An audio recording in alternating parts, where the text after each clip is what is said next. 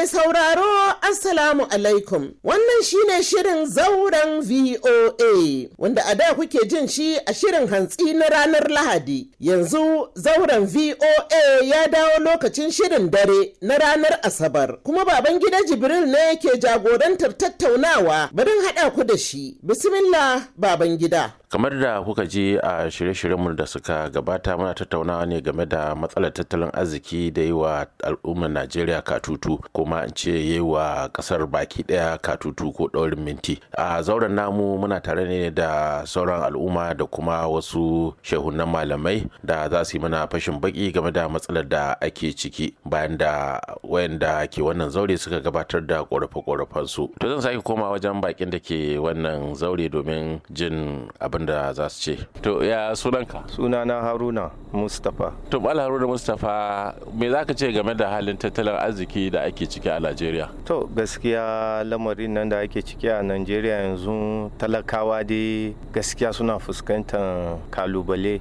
daban-daban iri-iri. Don gaskiya ko irin tallafin da ake cewa ya ba mu talakawa su mori rayuwar demokarasi nan bai kai wajen su rijiya ta bai da ruwa gashi guga yana.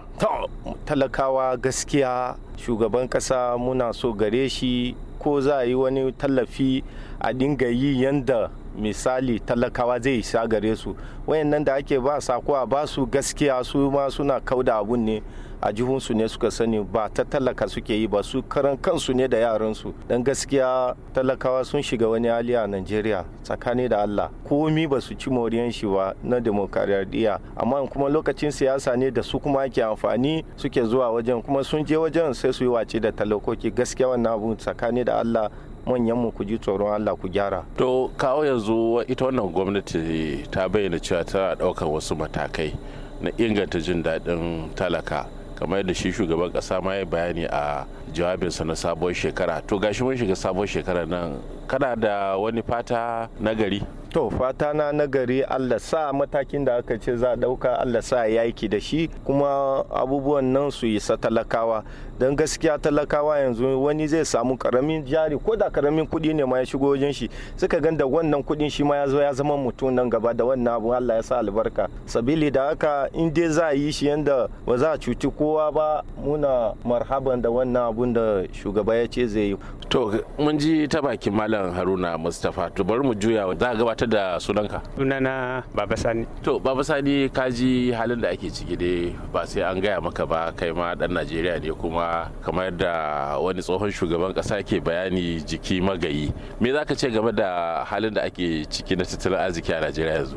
Alhamdulillahi wannan tambaya da kai haka yake. Wato abin da zan ce kasan nan tamu najeriya wannan shugaba daga farko ba ma na labarin da na sabon shekara ba. Farkon zuwansa kuzarinsu da abubuwan da suke faɗa da halamar da gaske ne. Kuma gashi a kwanan nan maganan dakatar da ministoci to kaga kamar da halama ya fi gwamnatin da ta gabata. Kaga dai duka ita ce amma kaga yanayin da muke halamar gani za su yi ƙoƙari ƙwarai da gaske. Amma abin da zan kira mu talakoki muna cikin matsatsi. Domin farko da ya ci da tallafi ya ce ya san wahalar suke ciki. Amma an yi da halamar ya sani kuwa yanzu kaga yanda talaka yake ciki. Talaka baka isa ka je y zumunci ba. In ba dalilin wayoyin nan ba da ma ka iya zumunci tsada komai tsada abinci kullum abinci hawa hawa ake. Tun daga ƙasa ƙasa dawa naira ɗari shinkafa naira ɗari biyu da hamsin yau ya shinkafa ta dubu ɗaya. Kaga akwai aiki babba a gare mu. Abinda za mu ce musu su riƙa tuna da talaka. Da idan sun ba da taimako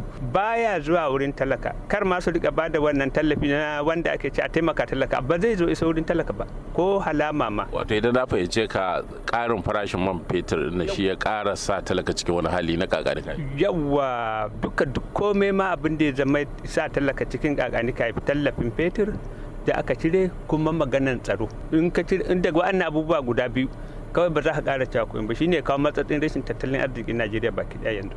To ya batun noma da kiwo fa? Gashi dai na san kai ba filatin wataƙila ba ka rasa hannu a ɓangaren kiwo ba. Me ake ciki? Insha Allah haka yake. To ai rashin tsaron shine matsalan. Da bursalan da duk da komai da ake magana yanzu fulanin da manoman baki ɗaya hankalinsu ba kwance yake ba saboda babu tsaro. Bayan fada da suke da manoma gwamnati ta yi tsayin shugaban kasa da gwamnatin tarayya da gwamnoni su yi ƙoƙarin fidda bursula kuma su jaddada tsaro. Tsaron nan shine kan gaba kuma tallafin mai da aka ce da tsada. Akwai tsada. Talaka ba zai iya wani abubuwan ba. Talaka sun shiga wani hali na kakani kayi. To kana ganin idan aka tabbatar da tsaron nan za a samu bunƙasar tattalin arzikin nan da ke duk tsadan nan da muka ciki wannan ba na ce maganar tattalin mai ba. In aka ce akwai tsaro mutane za su fi kiwo inda su ga dama. Za ka ta kai noma akwai filin noma. Insha Allah duk da tsadan nan za a insha Allah za a zauna lafiya. Amma rashin zaman lafiya duk shi yafi komai matsala a ƙasar mu. To gashi shugaban kasan ya fara ɗaukar mataki na ladabtarwa akan wasu jami'an gwamnati na da da kuma hamma na yanzu.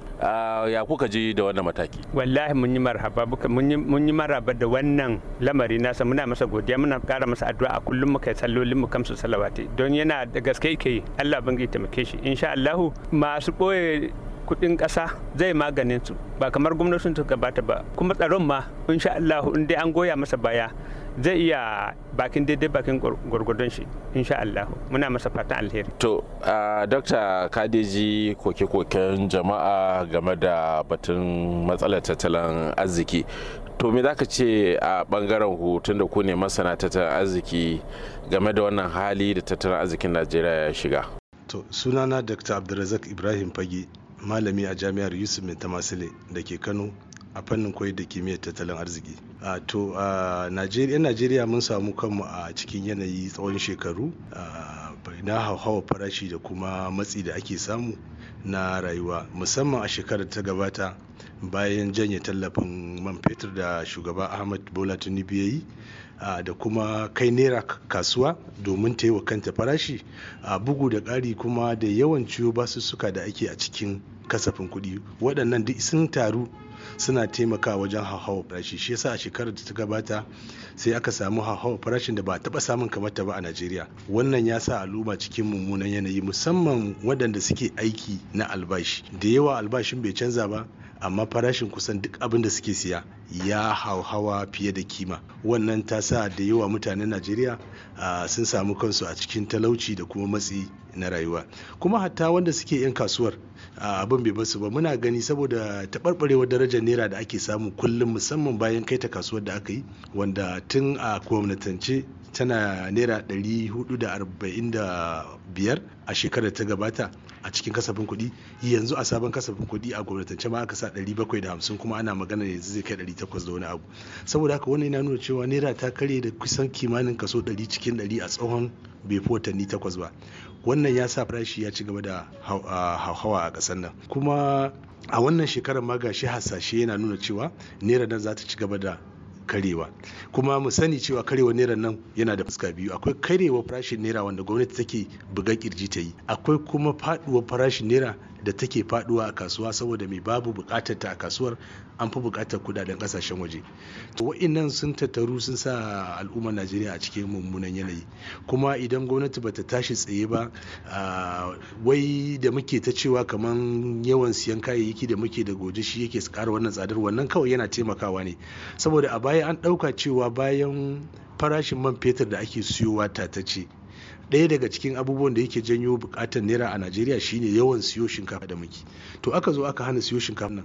Yanzu shekara da shekaru ba a siyo shinkafa. Ko an siyo ta sai ta smogal ma'ana sakwauri kuma ba da dala ake siyo ta ba.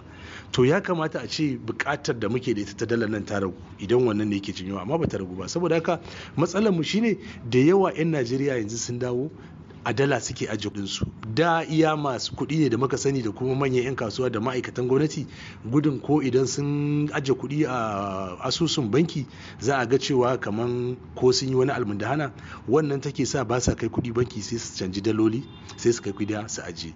To masu sauraro a madadin lokacin wayanda suka taimaka wajen gabatar da wannan shiri na ku babin gida jibrin daga nan birnin lagos ke cewa a huta lafiya. Madalla! A madadin Solomon Abo wanda ya daidaita sautin shirin, Madina Dauda ce ke cewa ku kasance tare da mu ranar Asabar a shirinmu na dare domin ci gaban zauren VOA.